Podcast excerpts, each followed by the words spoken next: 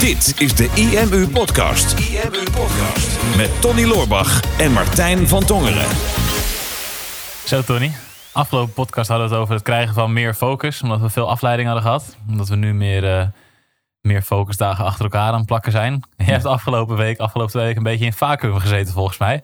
Ja, Was heerlijk. geplakt aan je stoel. Stilte vacuüm. En het resultaat mag er zijn.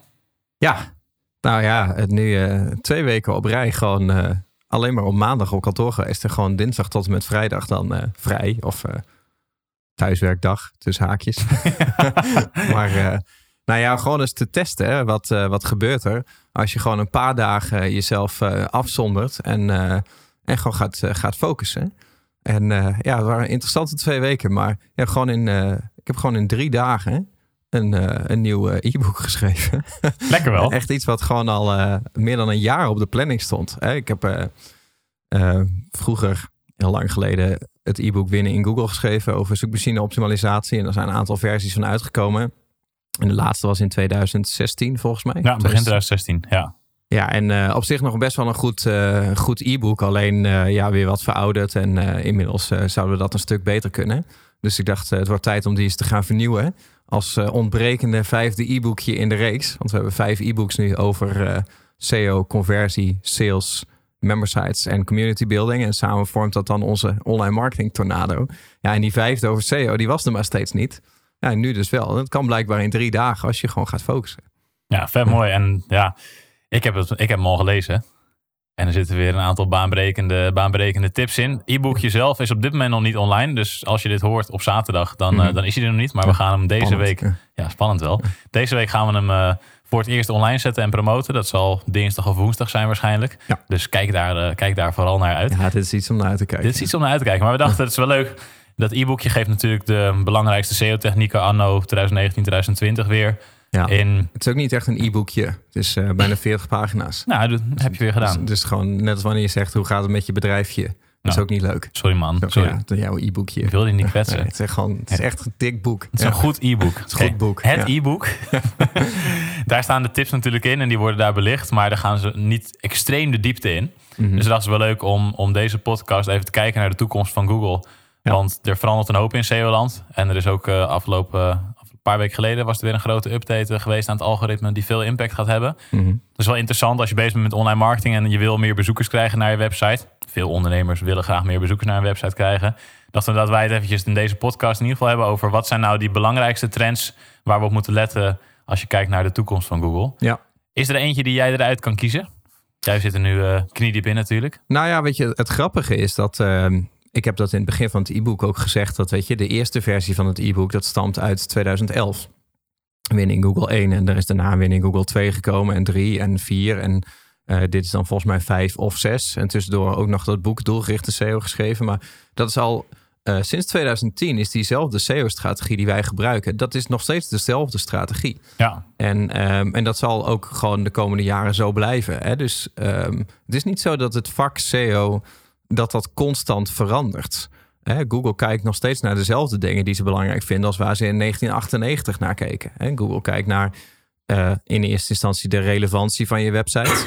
Hè, op het moment dat ik op een zoekopdracht eh, zoek, dan gaat Google kijken naar alle pagina's op het internet die relevant zijn aan die zoekopdrachten. En dat kunnen ze op verschillende manieren doen. En naast relevant, hè, dus dat die website daadwerkelijk over die zoekopdracht moet gaan, eh, moet zo'n eh, website ook populair zijn. Hè? Dus moet die ook bijvoorbeeld aanbevolen worden door anderen of moet hij een bepaalde autoriteit hebben. Eh, dus relevantie en populariteit. Nou, er zijn een aantal dingen bijgekomen, zoals hoe, hoe actueel iets is, hoe uniek iets is, hoe kwalitatief iets is en hoe goed leesbaar het is. Maar die waarden die zijn er al sinds 1998 en die zijn er nu nog steeds. Dus de strategie is nog steeds hetzelfde. Alleen vroeger was het natuurlijk zo, dan was dat de reden dat Google bijvoorbeeld, bijvoorbeeld een aantal technieken goedkeurde. Mhm. Ehm, maar dan was het niet altijd vanuit de juiste intentie. En dat noemen ze dan ook wel black hat SEO. Dus bijvoorbeeld, hè, vroeger was relevantie, dat gingen ze dan bekijken op, ma- op basis van hoeveel backlinks er waren. Ehm, dus als je dan heel veel backlinks ging inkopen, dan ging je Mhm. hoog ranken in Google. Maar ja, op een gegeven moment hadden ze dat door, werd het algoritme slimmer. Mhm. En als je dan nooit een keer een, een hele bulk aan backlinks gekocht had, dan kreeg je een Google penalty, een Google Ja. slap. Ja. ja, en een penalty bij Google is niet net zoals wanneer het Nederlands elftal een penalty krijgt. Dus anders, dat is andersom. Dat is net iets anders. penalty tegen wat je krijgt. Nou ja, maar kijk, de, de filosofie is nog steeds hetzelfde. Hè? Dus, dus hè, backlinks gaat dan over je populariteit. Uh, maar dat is voor Google was dat gewoon een manier om te meten van... oké, okay, um, laten, we het, laten we het heel simpel houden. Stel, uh, noem eens een zoekwoord waar ik op zou zoeken in Google. Uh, aandelenbeurs. Aandelenbeurs. Oké, okay, nou ja. Of ik zoek bijvoorbeeld gewoon op welk aandeel moet ik kopen hè, als ja. zoekopdracht. Nou, dan zijn er honderden, duizenden, tienduizenden, honderdduizenden websites die daar relevant aan zijn, die over aandelen gaan bijvoorbeeld. En Google gaat dan vervolgens kijken naar welke pagina op al die websites is nou het meest relevant aan deze zoekopdracht. Dus bijvoorbeeld een pagina die letterlijk als titel heeft: welke aandelen kun je nu het beste kopen? Ik ja. noem maar iets. Nou, dat is een stukje relevantie. Alleen stel nou dat er uh, tien pagina's zijn die allemaal exact diezelfde titel hebben en alle tien een artikel hebben over welke aandelen ik het beste zou kopen. Dan zijn ze allemaal relevant. En maar dan kan Google kijken van ja, welke van deze tien is er bijvoorbeeld populairder. Hè? Dus heeft één van de tien bijvoorbeeld 100 backlinks, dus linkjes van andere websites naar die van hem, en die andere negen hebben dat niet. Ja, dan zal die ene met al die backlinks, die zal bovenaan komen te staan. En dat is voor Google is dat gewoon een manier om te meten van wat is nou het meest relevante resultaat, het kwalitatieve resultaat, het actuele resultaat, het populaire resultaat. Alleen Google wordt gewoon steeds beter in uh, het gebruiken of uh, het ontwikkelen van techniek om dit soort dingen te meten. Ja. En daarmee worden ze er ook steeds beter in om dus misbruik tegen te gaan. want bijvoorbeeld invloeden van social media werden al een tweede populariteitsindicator naast bijvoorbeeld backlinks. en um, puur en alleen het gebruik van de juiste woorden op een zoekpagina is relevantie. Maar Google kan tegenwoordig ook ietsje verder kijken. En dan komen we bij de semantische zoekmachine. Uh, is dat Google gaan kijken naar de betekenis van woorden. Kijk, en dan wordt het interessant. En dan komen we een beetje bij de toekomst van Google. En dat is waar we het nu over gaan hebben. Ja, precies. Mooi bruggetje. Dat is een heel mooi bruggetje. Dat heb je weer goed gedaan, jongen. Ja, dank je. Ja, ik zit er kniediep in, ja. Ja, want dat is uiteindelijk waar, waar Google het voor wil doen. Google wil mhm. dat mensen zo snel mogelijk het juiste antwoord... wat voor hen op dit moment relevant is, tot zich kunnen nemen. Ja. Dus je ziet ook nu een trend in Google... is dat er steeds meer resultaten op de zoekresultatenpagina getoond worden. Dus mhm. soms hoef je niet eens meer naar een website toe te gaan... Maar dan kan je al de informatie zien of het antwoord krijgen op een antwoord. Omdat Google dat al heeft gelezen in een website en dat voor jou neerzet bovenaan in de zoekresultaten. Mhm. En als je dan meer wil lezen, dan kan je op de link klikken. En dan kom je alsnog op die website. En we noemen het ook wel featured snippets. Ja. Klopt. Dus als jij bijvoorbeeld aan Google vraagt: uh, Google, hoe oud is Willem-Alexander? Dan krijg je de leeftijd van Willem-Alexander krijg je meteen gepresenteerd. Ja, met een fotootje van hem ernaast en uh, link je dan veronder naar Wikipedia waarschijnlijk. Klopt. Hè? Dus, dus Google kan uh, zeg maar de, de woorden in jouw zoekopdracht lezen, maar tegenwoordig ook begrijpen. Hè? Dus dat betekent dat je niet meer een website op de eerste positie krijgt die als titel heeft: Hoe oud is koning Willem-Alexander? Vraagteken. En dan als eerste zin in je meta-description: Hoe oud is koning Willem, koning Willem-Alexander? dat je dan op een website komt en dat je dan in de eerste alinea leest: van, Hoe oud is koning Willem-Alexander? Je bent hier waarschijnlijk gekomen omdat je wil weten hoe oud koning Willem-Alexander is. Nou, koning Willem-Alexander is zo oud dat je haast af zou vragen: Hoe oud is koning Willem-Alexander nou eigenlijk? nou, dus zeg maar, dat is een, een tekst die vol zit met keywords, dus die is wel relevant maar eigenlijk ook niet. Dus Google wordt steeds beter in het begrijpen van woorden. En dat is semantiek. Semantiek dat staat voor de betekenis van woorden. En dat is waar de zoekmachine steeds meer naartoe gaat. Dus daar zul je veel minder rekening mee hoeven houden met dat exacte woordgebruik en dat overoptimaliseren. Uh, maar veel meer met uh, de waarde in je teksten. En dat is natuurlijk goed nieuws. Ja, want waar Google naar wil kijken is wie is eigenlijk nou de meest kwalitatieve speler in de markt? Of wie kan nou de meest toegevoegde waarde geven op de vraag die nu gesteld wordt? Mm-hmm. Dus als jij Um, stel je hebt een artikel over koning Willem-Alexander ja. en je weet hoe oud hij is, maar je kan ook heel veel andere informatie over hem vertellen. En het is natuurlijk niet zomaar dat Wikipedia bij heel veel van dit soort zoektermen bovenaan staat, omdat er waarschijnlijk heel veel informatie staat over koning Willem-Alexander. Ja, precies. Op die pagina van Wikipedia. Dus als je dan wil weten hoe oud hij is, dan wil je misschien nog wel veel meer informatie van hem tot je nemen. Ja, wel interessant. Wij kunnen wel als titel van deze podcast doen. Hoe oud is koning Willem-Alexander? Gaan we daarmee ranken in de podcast libraries? Ja, dan komt hij naar voren als je daarop zoekt. Heel veel mensen zoeken daarna. Dagelijks. Meerdere mensen. Heel veel mensen. Waarschijnlijk iedereen die deze podcast luistert, gaat daar naar googelen. Ja, maar kijk, dat wordt een interessante. Hè? Dus als we even naar de trends kijken. Enerzijds heb je heb je dit. Hè? Dus dat op het moment dat iemand gaat zoeken. Google heeft altijd aangegeven van uh, zij willen liever niet een reactieve zoekmachine zijn, mhm. maar een proactieve persoonlijke assistent. Dus dat begint al in eerste instantie met als jij iets aan Google vraagt, dat eh, Google jou niet alleen maar een lijst met resultaten geeft, maar dat ze veel meer antwoord op jouw vraag gaan geven. En dat kunnen ze alleen maar doen door jouw vraag te snappen. Nou, dat, dat krijg je met intypen. Uh, maar dat krijg je ook steeds meer met Google Voice. Hè? Dus er zijn steeds meer mensen die op hun mobiele telefoon zoeken. En dat is natuurlijk een trend. Dat is al sinds oktober 2015 dat voor het eerst er per maand meer in Google wordt gezocht via mobiele telefoons dan via laptops en grotere schermen. Dus dat is inmiddels al vier jaar geleden. En die trend die zet zich alleen maar door. Alleen naast dat mensen in mobiele telefoons en Google zoeken, praten ze ook veel meer tegen hun telefoon en tegen Google via voice. Door gewoon letterlijk aan Google dit te vragen. Dus nu meer dan 20% van de zoekopdrachten per mobiele telefoon, die worden al via voice search gedaan. Ja. Dus één op de vijf zoekopdrachten op mobiele telefoon is dus gewoon van hey Google, mhm. eh, waar is het meest dichtstbijzijnde restaurant? Of hey Google, hoe maak ik pompoensoep? Of hey Google, hoe oud is koning Willem-Alexander? Ja, precies. Dus jij loopt inderdaad naar de woon, door de woonkamer en je vraagt het gewoon aan je smart device. Ah, hij ziet hem. Ja. ja, ik heb een Android-telefoon. Hoe oud is koning Willem-Alexander? Willem-Alexander der Nederlanden is 52 jaar oud. Kijk, het werkt. Super mooi toch? Ja, interessant. Ja. Er wist hij nog een grapje over, maar het duurt allemaal heel lang. Maar goed. Uh, maakt, niet zo. Ik zit wel in de funnel nu. Nou, ja, ik weet niet. Ja, het was ook gewoon in het nieuws, dus dat kan ik wel zeggen. Maar er zat een foutje in, uh, in uh, Siri van oh, Apple. ja, ja, ja. ja. en dat is ook zo'n zo'n virtual assistant. Dat als je aan... ik heb dan een iPhone, maar als ik aan Siri vroeg van... Siri, mag ik mijn vrouw slaan? Dan zei Siri, nee, dat mag niet. Maar als ik zei, wat was het ook alweer? Volgens mij, ik ben ben moslim uh, Ik ben moslim. Ja. Siri, ik ben moslim. Mag ik mijn vrouw slaan? Dan zei hij, dat lijkt me oké. en ik heb dat toen thuis getest, want ik zag dat op het journaal. Ik denk, dat kan me niet voorstellen. Dus ik ging dat testen thuis. Um, en dat werkte inderdaad. Dus die zei dat ook. Dus ik heb dat echt twintig keer gedaan, was op zondag. En toen dacht ik, van, oh, dat ga ik morgen op kantoor laten zien. Want we hadden het al aangepast. Super jammer. Ja. Maar ja, dan merk je dus wel, oké, het is dus nog niet helemaal perfect. Maar zover zijn we al wel. Dit is niet meer de toekomst. Dit is gewoon al de realiteit. En uh, daar zul je met je website steeds meer rekening mee moeten gaan houden. Hè? Dus dat je niet zozeer je website op een statische manier aan het optimaliseren bent om goed te scoren in Google.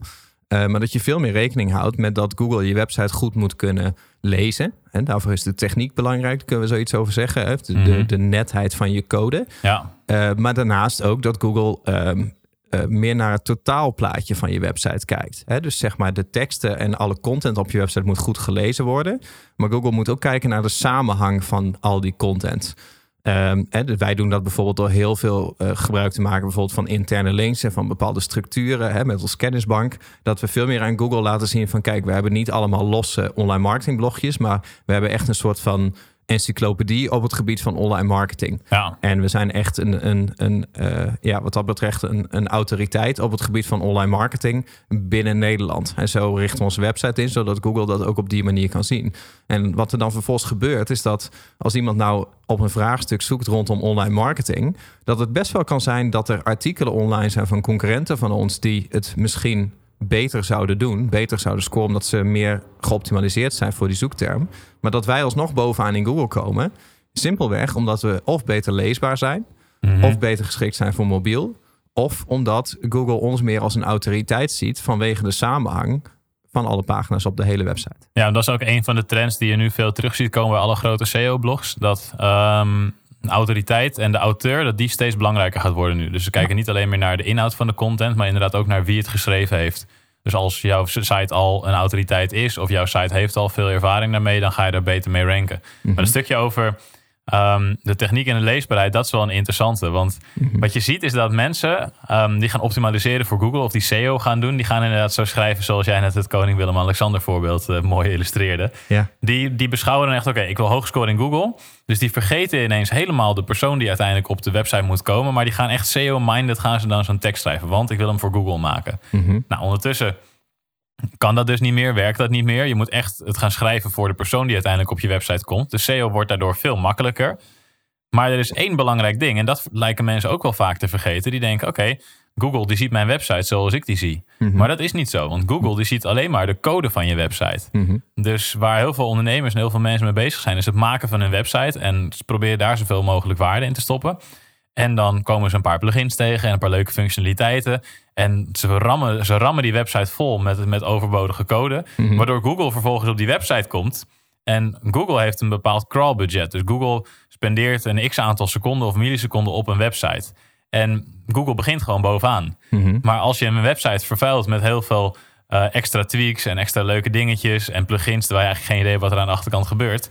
Wat wij vaak zien dat in de code dan vervolgens dat er honderden regels code zijn. Voordat er überhaupt ook maar begonnen wordt aan de inhoud van de website. Waardoor Google vaak de inhoud van die website niet kan lezen. Mhm. En dat dus de website niet zoekmachinevriendelijk is. Ondanks dat jij dus misschien wel heel erg waardevol bent in jouw markt, kan Google je website niet lezen. Daarom is de netheid van je code en de structuur van je website super belangrijk als je hoger wil scoren in Google. En zeker nu in deze tijd, omdat Google alleen maar gaat kijken naar de samenhang van de teksten op je website, is het allerbelangrijkste dat ze in ieder geval kunnen zien wat erop staat. Mhm. En ook zoveel mogelijk kunnen lezen van wat erop staat. En daarna dus kunnen bepalen, hey, gaan we deze hoog ranken of gaan we deze laag ranken? Ja, en dat, en dat is soms lastig te begrijpen van hè, wat, wat is nou precies schone code. Ehm, alleen eh, waar je rekening mee moet houden is dat, zeg maar, zoals wij teksten lezen als menselijk oog, dat je je voor moet stellen dat je bijvoorbeeld een boek zit te lezen waarbij elk woord wat je leest, dat er rondom dat woord zeg maar aangegeven wordt ehm, wat dat woord betekent. Ehm, en eh, hoe dat woord er, eruit moet zien en hoe dat woord functioneert. En dan zou je het niet meer kunnen lezen. En wij hadden het laatst tijdens zo'n website eh, review die we online deden, gingen we bijvoorbeeld naar zo'n Wix-website kijken. Ja. Naar de achterkant. Ja, aan de voorkant zagen we gewoon twee, twee zinnetjes tekst en drie plaatjes. En dat was de hele pagina. En de achterkant was echt een, ba- een behangrol code. We konden gewoon drie minuten praten, terwijl we aan het scrollen waren door de code van die website. Scrollen. Ja, maar kijk, wat er, wat er gebeurt is op het moment dat jij eh, bijvoorbeeld in eerste instantie vormgeving gaat toevoegen. Dus hè, stel, jij zet, jij zet een woord op je website, dan is dat gewoon alleen maar dat woord. Op het moment dat jij in je editor, dus je zit bijvoorbeeld in WordPress, ehm, dat woord selecteert en je zegt van nou, ik wil hier een ander lettertype van maken. En ik wil het een andere kleur geven en ik wil het dik drukken. Dan zie jij nog steeds datzelfde woord in een ander lettertype en dik gedrukt een andere kleur. Maar in de code is die code al veel groter geworden. Hè? Dus er staat een stuk code om dat woord heen wat aangeeft van dit is de font family, dit is de font size, dit is, hè, het is bold gemaakt en het is deze kleurcode. Nou, om je code netjes te houden, wordt normaal gesproken die vormgeving, dat wordt al eh, extern bepaald. Hè? Dus dat zit in een los bestand en dat zit niet per se in je code zelf. Maar dat is alleen nog maar een stukje vormgeving. Moet je voorstellen wat er gebeurt op het moment dat je functionaliteit gaat toevoegen. Hè? Dus ehm, wat, wat, eh, wat zien we vaak gebeuren? Eh, JavaScript dingen en, eh, en dergelijke voor, voor eh, leuke functies. Sliders, social buttons. Ja, klopt. Dat soort, dat soort dingen. Nou ja, die, dat is niet alleen vormgeving, maar dat, maar dat vraagt meer functionaliteit. Een slider is daar een mooi voorbeeld van. Ja. Een slider is vaak ook een behangrol aan code, waar je uiteindelijk helemaal geen, geen tekst meer in kan lezen. Het is ook nog eens conversie verlagen. Dus als je een slider hebt, sloop hem eruit. Ja, precies. Ja, dat mag sowieso niet. Alleen wat gaat er vaak mis? Kijk, eh, wil je nou schone code hebben, ehm, dan ga je niet naar een, een zeg maar een eh, mainstream systeem of een goed systeem zoals bijvoorbeeld een Wix of de telefoongids of, eh, of een Jimdo. Weet je, dat zijn websitebuilders die zijn gebouwd voor de massa. Dus die zijn goedkoop, die zijn bedoeld om ondernemers een tool te geven om snel iets online te krijgen. En die hebben een hele systeem gebouwd op de gebruiksvriendelijkheid. Hè? Dus dat jij heel makkelijk drag-and-drop dingetjes heen en weer kan slepen. Dat je heel snel iets simpels online kan zetten. Nou, en dat is prima, dat is functioneel. Als jij eh, eh, net start en je hebt nog geen doel met die website of er moet iets online staan. Alleen omdat zij vaak focussen op die gebruiksvriendelijkheid en op al dat drag-and-drop. Ja, voor dat drag-and-drop heb je zoveel code nodig dat het ten koste gaat van je zoekmachinevriendelijkheid. Nou, dan maak je vaak de overstap naar bijvoorbeeld een systeem zoals WordPress. Wat in de basis heel zoekmachinevriendelijk is. Mhm. Alleen WordPress is in de basis alleen maar een blog. En op het moment dat je daar functies aan toe gaat voegen, middels de schitterende plugins die er allemaal zijn, en er zijn er natuurlijk honderdduizenden van. Op het moment zeg je van, nou, ik wil een, eh, ik wil een contactformulier, of ik wil social media share buttons, of ik wil, ehm, ik wil een mooie slider, of ik heb een webinar van Tony en Martijn gevolgd en ik moet een productlancering doen, dus ik wil een landingspagina en ik wil een afteller en ik wil een pop-up en ik wil dit en ik wil dat. Kijk, voor al die functies heb je allemaal losse plugins nodig. En die plugins zijn allemaal door verschillende mensen gebouwd. En die houden niet allemaal rekening met de netheid van je code. En dus het kan maar zo zijn dat je bepaalde scripts die je misschien maar één keer nodig had, dat je die wel tien keer inlaat, omdat ze in alle tien verschillende plugins zitten. En dat vraagt allemaal extra laadtijd, allemaal extra code. Waardoor je website gewoon minder gaat scoren en over het algemeen ook steeds meer fouten gaat bevatten. Ja, en wat je ziet is dat ehm, die ontwikkelaars houden ook niet altijd rekening met elkaars code. Dus Nee. je hebt zo ook wel eens, als je een WordPress website hebt met veel plugins, zal je vast wel eens gehad hebben dat je een plugin installeert en dat de website ineens plat ligt. Mhm. Nou, dat is een extreme variant van een botsing. Maar wat ook vaak gebeurt, is dat er iets stuk gaat onder de motorkap, maar dat je dat niet per se door hebt. Mhm. Dus ja, eigenlijk kan je het vergelijken met een auto. Hè? En ik, ik weet echt helemaal niks van auto's. Oké, ik ben Bijna, heel ja, benieuwd nu. Je kan erin rijden. ja. Maar die auto die rijdt en die doet alles. Maar je kan een auto kan je ook tunen. Mhm. Als je die naar een garage brengt, dan kan je er van alles aan doen. Waardoor je kan opvoeren, waardoor die harder gaat, waardoor de uitlaat harder klinkt. Ik snap niet waarom je dat zou willen, maar hè, dat zou kunnen. Dat kan. Het kan. Ja. Je kan daar ramen laten blinderen. Je kan van alles kan je laten doen. Maar dat is iets, tenzij je zelf echt een expert bent op dat gebied... of dat je dat heel erg leuk vindt als hobby... dat is iets wat je vaak laat doen. Mhm. Maar jouw website is eigenlijk ook gewoon... als jij een WordPress website hebt... is ook een auto. Die doet het en die doet waar die voor gemaakt is. Maar als jij er een plugin in gaat installeren... en nog een plugin en nog een plugin... Mhm. dan, dan gooi je allemaal dingen in die motorkap... die er eigenlijk helemaal niet thuis horen. Mhm. Dus vervolgens ga je de snelweg op in die website... en dan is het toch rinkel de kinkel de rinkel de kinkel. Want Ja. dat ding dat gaat ineens nog maar 50 km per uur. En dat is met je website precies hetzelfde. Je gaat zien dat je laadtijd omhoog gaat. Je vindbaarheid gaat omlaag. Maar omdat het zo makkelijk is gemaakt eh, voor eh, gebruikers in deze tijd... om iets toe te voegen aan je website, heb je dat niet door. Omdat je denkt, nou, I'm in control. Terwijl er alles onder de motorkap kapot gaat. Dus het is echt een vloek en een zegen van deze tijd... dat het Ja. zo makkelijk is met dit soort systemen. Maar vaak is het zo dat ondernemers zichzelf gewoon in de weg zitten hiermee. Ja, klopt. Nou ja, het is inderdaad een vloek en een zegen. Weet je. Het is beter dan helemaal geen website hebben. Ja. Alleen, eh, we hebben het in een eerdere podcast ook wel eens over gehad. Hè, als mensen met systemen zoals WordPress aan de slag gaan.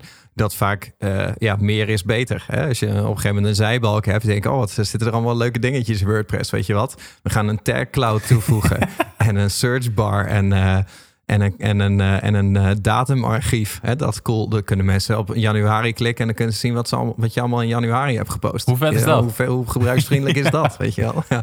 En dan op een gegeven moment heb je van die zijbalken. Die zitten helemaal vol met alles en nog wat. Weet je nog, een tijdje geleden, een paar jaar geleden hadden wij een klant die bij ons op kantoor kwam omdat ze klaagde dat haar website zo traag Ja, was. ja, weet ik nog. En eh, die had tientallen actieve plugins zelf geïnstalleerd. En eh, eentje daarvan was bijvoorbeeld hè, bol.com affiliate plugin. Mhm. Dus dan kan je dan in je zijbal kan je dan wat productjes van bol.com tonen. Bijvoorbeeld een paar boeken die dan passen bij het blog waar je je over geschreven hebt. En als je daar dan op klikt en iemand koopt dan zo'n boek, dan krijg jij een paar cent of een euro of zo. En dat hing ergens nou na 20 minuten scrollen ergens onderaan in een zijbalk. En wij zeiden echt van ja, ik zeg maar, weet je, heeft er, heeft er ooit wel eens iemand daar dan, heb je daar ooit wel eens wat aan verdiend? Nee, nog niet. Maar ze wilden het er niet afhalen. Nee, klopt. Ja, maar ja, voor hetzelfde geld gaat er wel ooit iemand een keer. Voor hetzelfde geld verdien ik daar volgende week een euro aan. Ja. En nou, die website had een laadtijd van meer dan 12 seconden. Ja, dat schiet lekker op. Hè? Dus Ja. dan, het gaat dalen. Dus ehm nou, hier kunnen we uren over praten. Maar hè, dus even in de basis. Dus dat is eigenlijk stap 1. Dus schone code die zo leesbaar mogelijk is. Hè, waar zo min mogelijk rotzooi aan toegevoegd is. De volgende stap, hè, voor de, als je mee wil gaan in die semantische zoekmachine, is dat Google kan je tekst al wel begrijpen. Maar eh, we zitten nog wel in een stadium waar het fijn is dat je Google daar een handje mee helpt.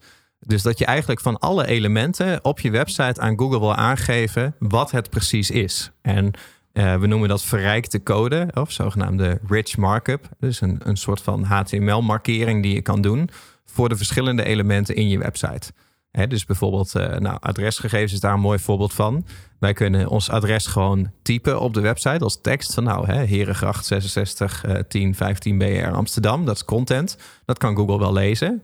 Maar als wij in de code aangeven dat eh, die eerste regel dat dat onze eh, adres is, die tweede regel dat dat onze postcode is, eh, het derde dat dat de plaatsnaam is, ehm, dan snapt Google het ook. En dan weet Google dat dat niet alleen content is, maar dat dat daadwerkelijk onze vestigingsplaats is. En dan komen we ook eerder naar voren op het moment dat iemand bijvoorbeeld in Google Maps zoekt. Mhm. Maar ook, hè, stel dat hier iemand over de gracht zou lopen en aan zijn telefoon zou vragen met Google, waar is hier het dichtstbijzijnde internetmarketingbureau? Ik kan me niet voorstellen dat iemand dat zou vragen, maar Who knows? stel wij zijn een pizzeria, dan is dat logischer. Ja. En dan kan Google dat herkennen. En Google wil niet, als jij vraagt van waar is hier de dichtstbijzijnde pizzeria, dan wil Google je niet een website voorschotelen met als titel de dichtstbijzijnde pizzeria. Want het kan wel eens wel zijn dat die helemaal niet in Amsterdam zit. Maar Google wil gewoon kijken naar de context.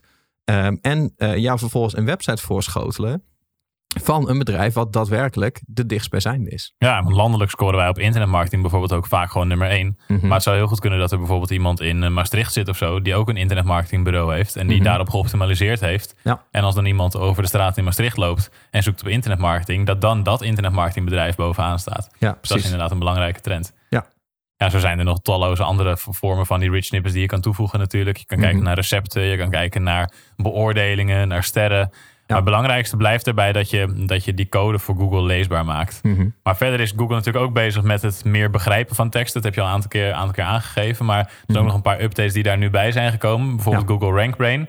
Die ehm, eigenlijk op basis van machine learning nu aan het kijken is van... oké, wat is nou de inhoud van deze website? Wat is de inhoud van deze zoekterm? Hoe kan ik die aan elkaar matchen? Wat betekent dat? Maar ook wat is het gedrag van een bezoeker op een pagina? Dus dwell time is een factor die super belangrijk is... en die steeds belangrijker aan het worden is ook. Mhm. Dus oké, ehm, stel, jij typt, eh, stel jij typt in van oké, welk aandeel kan ik op dit moment het beste kopen? Google kijkt dan, als jij op een resultaat heeft, hebt geklikt, van ben jij meteen weer teruggegaan naar de resultatenpagina? Of ben jij vijf minuten lang op die website gebleven? En als jij dus lang op die website bent gebleven, dan ziet Google dat als signaal van oké, dit was een goed resultaat. Dat ga ik nog een keer gebruiken als iemand zoekt op welk aandeel is het beste. Mhm. En als dat, dat doen ze natuurlijk bij honderden of bij duizenden mensen. En als we op een gegeven moment zien van hé, hey, dit resultaat, dat is al honderd keer gebeurd dat iemand op die pagina kwam en binnen 10 seconden weer terugging, dan gaat dat dalen in Google. Dus daarom is het ook super belangrijk dat je die ehm, waardevolle content en die kwaliteit echt voorop zet. En natuurlijk ook de usability van je website voorop zet. Zodat je mensen ook echt op je website en je pagina willen blijven. En op basis daarvan kunnen beslissen of ze wel of niet door willen gaan. Klopt. En, en dat is ook waar het steeds meer naartoe gaat. En je ziet dat nu nog heel weinig, maar dat is wat Google bedoelde met een proactieve persoonlijke assistent. Wat we tot nu toe hebben behandeld is meer de reactieve persoonlijke assistent. Dus jij vraagt iets aan Google.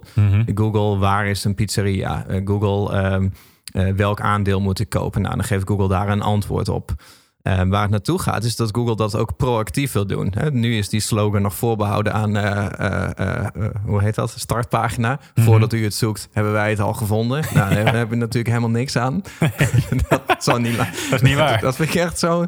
Ja, nou, ik, ik, weet je, er zit nostalgie in startpagina. Ik gun ze het beste, maar dat vind, ik- dat vind ik zo dom.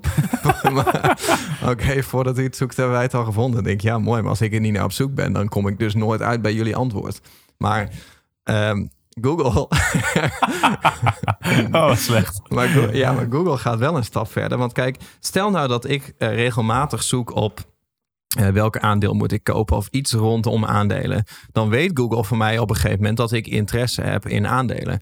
Ehm, Google zou ook kunnen eh, concluderen dat ik bijvoorbeeld op de eerste van de maand het meeste te besteden heb. Want dat is het moment bijvoorbeeld dat mijn salaris binnenkomt. Het zou heel goed kunnen dat Google mij op de eerste van de maand proactief gaat tippen met eh, informatie over aandelen die ik zou kunnen kopen. Ja. Bijvoorbeeld, ehm, stel dat ik bijvoorbeeld, eh, stel dat wij, we hebben nu een aantal vacatures op onze website. Hè, dus wij zoeken iemand voor onze supportafdeling. Hè, we zoeken een office manager, we zoeken een aantal programmeurs.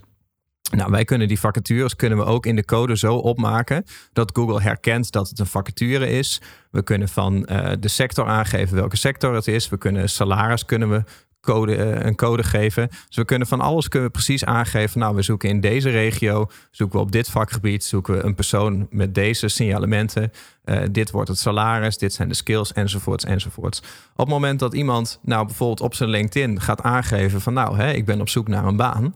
Eh, of hè, ik ben klaar met mijn huidige baan en die valt binnen het profiel dat wij hebben aangegeven, dan kan Google dat aan elkaar gaan matchen. Betekent dat Google dus ook onze resultaten proactief kan aanbieden aan iemand die er dus feitelijk niet naar op zoek was, maar die er misschien in de toekomst wel naar had kunnen zoeken. Nou, en dan wordt het wel het motto van voordat u het zoekt, hebben wij Ja. het al gevonden. Mhm. Want dan gaat Google gaan dingen aan jou eh, tippen. Hè, Ja. Wat interessant is voor jou. Kijk, en dan wordt het helemaal interessant. En daar is, daardoor is die, die leesbaarheid en de code van je website dus zo belangrijk. Ja. Ik merkte dat bij, eh, want ze zijn daar nu al heel erg actief mee bezig. Hè? Ik weet jij gebruikt ook Google Chrome toch op je mobiel? Mhm. Dus als jij je Google Chrome opent, dan staan er meteen, als je hem opent, staan er allemaal gesuggereerde websites en gesuggereerde artikelen. Mhm. En dat is grappig, want Google kijkt daarbij ook echt naar je zoekgedrag als gebruiker. En wat op basis van jouw zoekgedrag de afgelopen periode krijg je andere suggesties. Dus ik Mhm. was ehm, eerder dit jaar was ik bezig met zoeken naar een nieuwe auto, een elektrische auto. En ik was heel veel auto's met elkaar aan het vergelijken. En op een gegeven moment was ik bij de Hyundai Kona uitgekomen. Alleen Uitdaging bleek uiteindelijk, heel veel over opgezocht. Uitdaging bleek, elke dealer waar je naartoe ging, 12 maanden levertijd. Mhm. Nou, super irritant. Ik dacht van ja, ga je dan toch naar een andere auto kijken? Maar ik wilde wel een auto, elektrische auto waarmee ik ver kon rijden. Hm. Dus ik zoeken, zoeken, zoeken. Nou, vergelijken met die, vergelijken met die. Toch weer bij Icona website uit. En op een gegeven moment zie ik ineens een, een in die suggesties van Google Chrome. Van hey, eh, Mobility Service Nederland, die heeft de Hyundai Kona nog wel op voorraad. Hm. Dus ik daarop klikken. Het was gewoon, een, was gewoon een blogartikel van een hele kleine website. Die kennelijk goed geïndexeerd was door Google. Die dat, die dat vertelde. was gewoon een klein hobby, hobby site volgens mij. Ik via die website naar, de, naar die leasemaatschappij Mobility Service Nederland. Hm. Dus ik mailen. Ik denk, zou dit nou echt waar zijn? Want ik heb echt, echt alle Hyundai dealers in Noord-Holland benaderd. Allemaal ja, 12, 13 maanden leeftijd. Ja hoor, ja, we hadden al voorzien dat er veel vraag naar zou zijn. Dus we hebben er nog vijf op voorraad op dit moment. Zo, Wat? Ja, Staat er geniaal. binnen drie weken had ik die nieuwe auto voor de deur staan. Terwijl er dus nergens leverbaar was. Dus ook allemaal mensen in mijn omgeving die ook bezig waren met elektrische auto's. Van, huh, hoe kan je nou ineens hem wel hebben, weet je Ja. wel? Maar dat, dat, dat is echt puur door die Google Suggest gekomen. En omdat dus die kleine hobbysite zo goed geoptimaliseerd was voor Google. Maar nu is dan de, de, de vraag, want het is een goed moment om te toetsen hoe effectief hun marketing is. Maar zie je ook zoveel Hyundai's de laatste tijd? ja, best wel. Ja, dat, is die, dat is de nieuwe marketingcampagne die zij hebben. Is dat zo? Ja, en dat zit in hun televisiereclames. Dan sluiten ze af met het zinnetje, ziet u ook zoveel Hyundai's de laatste tijd? En denk, ja, dat is interessant, want ehm, die Hyundai's die zag je altijd al wel. Het zijn er niet ineens meer. Maar als je er zelf een hebt, dan ga je er vaker één Dan zien. zie je er veel meer. Ja, En, klopt. eh, en, en dat, dat is altijd interessant in de psychologie. Hè? Dat, dat op het moment dat je ergens mee verbonden bent, dat het je meer opvalt. dat, heeft een, dat heeft een naam, toch? Weet je die? Dit was een, dit was een bingo woordje geweest anders voor je. Ja, klopt. Heel een tijdje niet meer gebruikt, maar had gekund. Had, had, er, had erin kunnen zitten. Ja. Ja.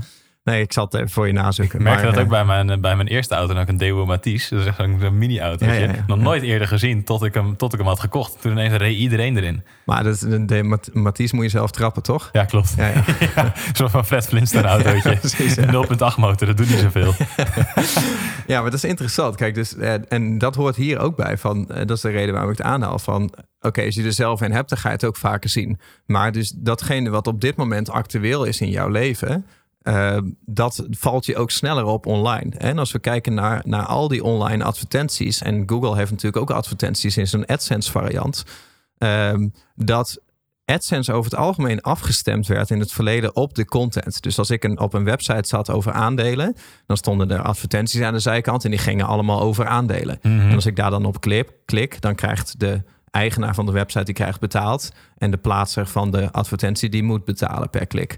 Alleen je ziet nu steeds vaker dat die advertenties niet meer afgestemd worden op de content, maar afgestemd worden op de bezoeker van die website. Ja, dus je kan daar maar zo een advertentie over een Hy- Hyundai zien. Een moeilijk woord. Had je niet een Ja. wat makkelijker auto kunnen ja kopen? noem maar gewoon Kona.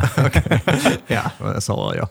Maar hè, dan had je dat daar ook kunnen, kunnen zien. Ja, En- zeker. En daarom, daarom wordt het zo interessant. Hè? Deels natuurlijk om je advertenties daar rekening mee te gaan houden. Maar ja, ik geloof altijd in die lange termijn strategie. Om gewoon een waardevolle contentstrategie te voeren. Waar je gewoon ja, de gedachtenleider in jouw markt bent. Hè? Of de autoriteit in jouw markt wil zijn. En dat is wat wij eigenlijk altijd hebben gedaan. Al sinds de IMU bestaat zijn we gewoon waardevolle content aan het toevoegen. Maar de basis is altijd in eerste instantie schone code. Hè? Dus Mhm. daar begint het allemaal mee. Leesbare code. Daar zetten we waardevolle content op. Dat is eigenlijk stap 2. Stap 3 is dat we die content allemaal met elkaar verbinden. Hè? Dus daar, wij werken daar met onze smart links voor, of onze smart content. En die verbindt via interne links al die content met elkaar. Dat is eigenlijk de, de volgende stap. Nou, we, we, we, we bouwen nog wat extra aan structuur, omdat we met onze contentkennis werken. Dus een soort van mini-Wikipedia op je website. Ook dat werkt voor ons heel goed. Dat geeft dan een hele grote basis. basis. En de laatste jaren hebben we dus steeds meer gedaan met enerzijds semantiek. Dus dat we meer onze code eh, labelen. Dus dat we meer aan Google aangeven van nou, wat is welk element. En waar we veel meer mee zijn gaan doen is ook eh, de mobiele revolutie. Dus Ja. we zijn gaan kijken naar snelheid. Eh, maar iets wat is misschien een mooie afsluitende tip, wat, wat ook een hele fijne voor ons is, zijn de, de Google Accelerated Mobile Pages.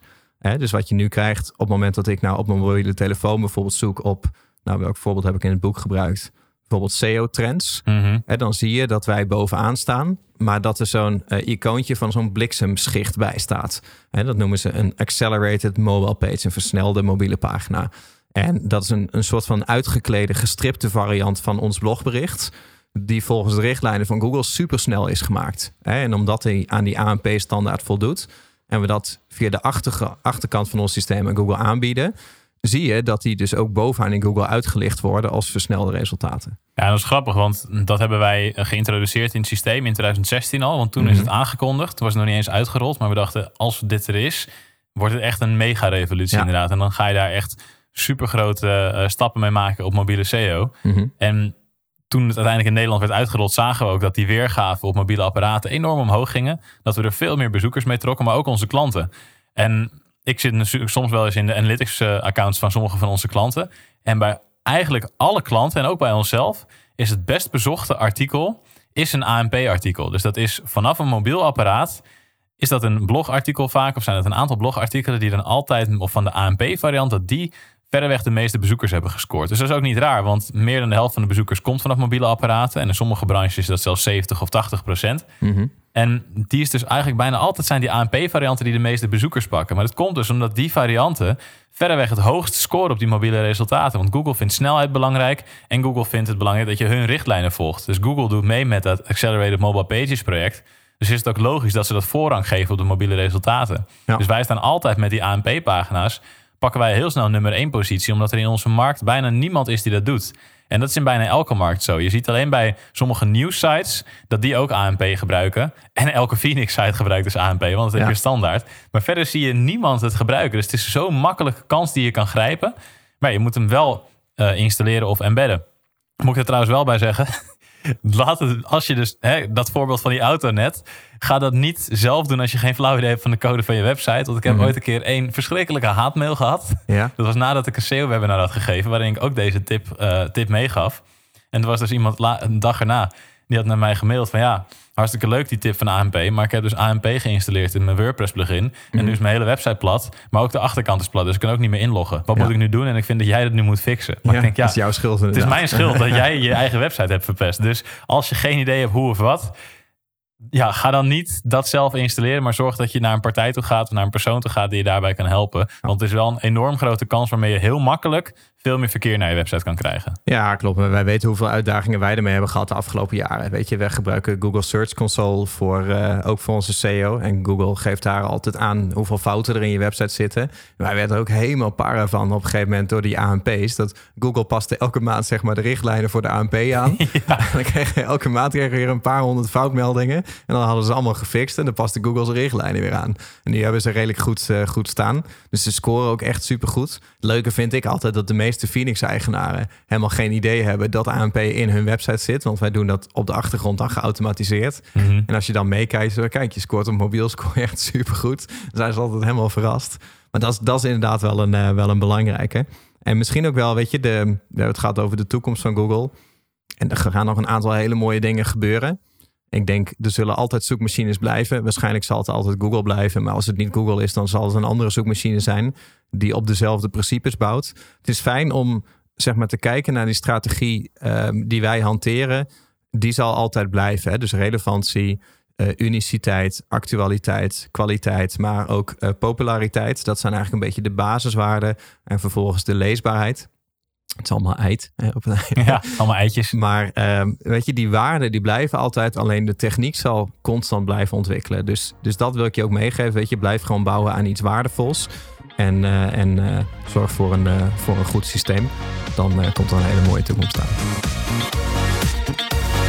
IMU Podcast. Super tof dat je hebt geluisterd naar de IMU podcast. Ik hoop dat je dit waardevol vond en dat je er inzichten uit hebt kunnen halen voor jezelf en voor je eigen business. Vond je dit nou een waardevolle podcast, dan zouden Tony en ik het heel erg waarderen als je dat zou willen delen. Enerzijds door dat bijvoorbeeld te delen via je eigen Instagram of via LinkedIn. Door een screenshot te maken van je telefoonscherm en ons daar even in te taggen. Maar wat we nog meer zouden waarderen is als je de tijd en moeite zou willen nemen om een review achter te laten. Werk je met een Apple-telefoon, dan kan je dat doen binnen je eigen podcast-app door daar een review te geven. Geef ons een x-aantal sterren met daarbij een korte motivatie wat je van onze podcast vindt. Zouden we echt enorm waarderen als je die tijd zou willen nemen. En werk je met een Android-telefoon, dan zie je dat, daar, eh, dat de meeste apps geen review-mogelijkheid hebben. Wat we dan heel erg zouden waarderen is als je op Google IMU zou willen intypen en vervolgens via de Google Review-sectie iets zou willen vertellen over de IMU, wat je van ons vindt en wat je aan onze podcast hebt gehad. Alvast heel erg bedankt en ik hoop natuurlijk dat we je volgende week weer mogen verblijden met een volgende aflevering van de IMU-podcast.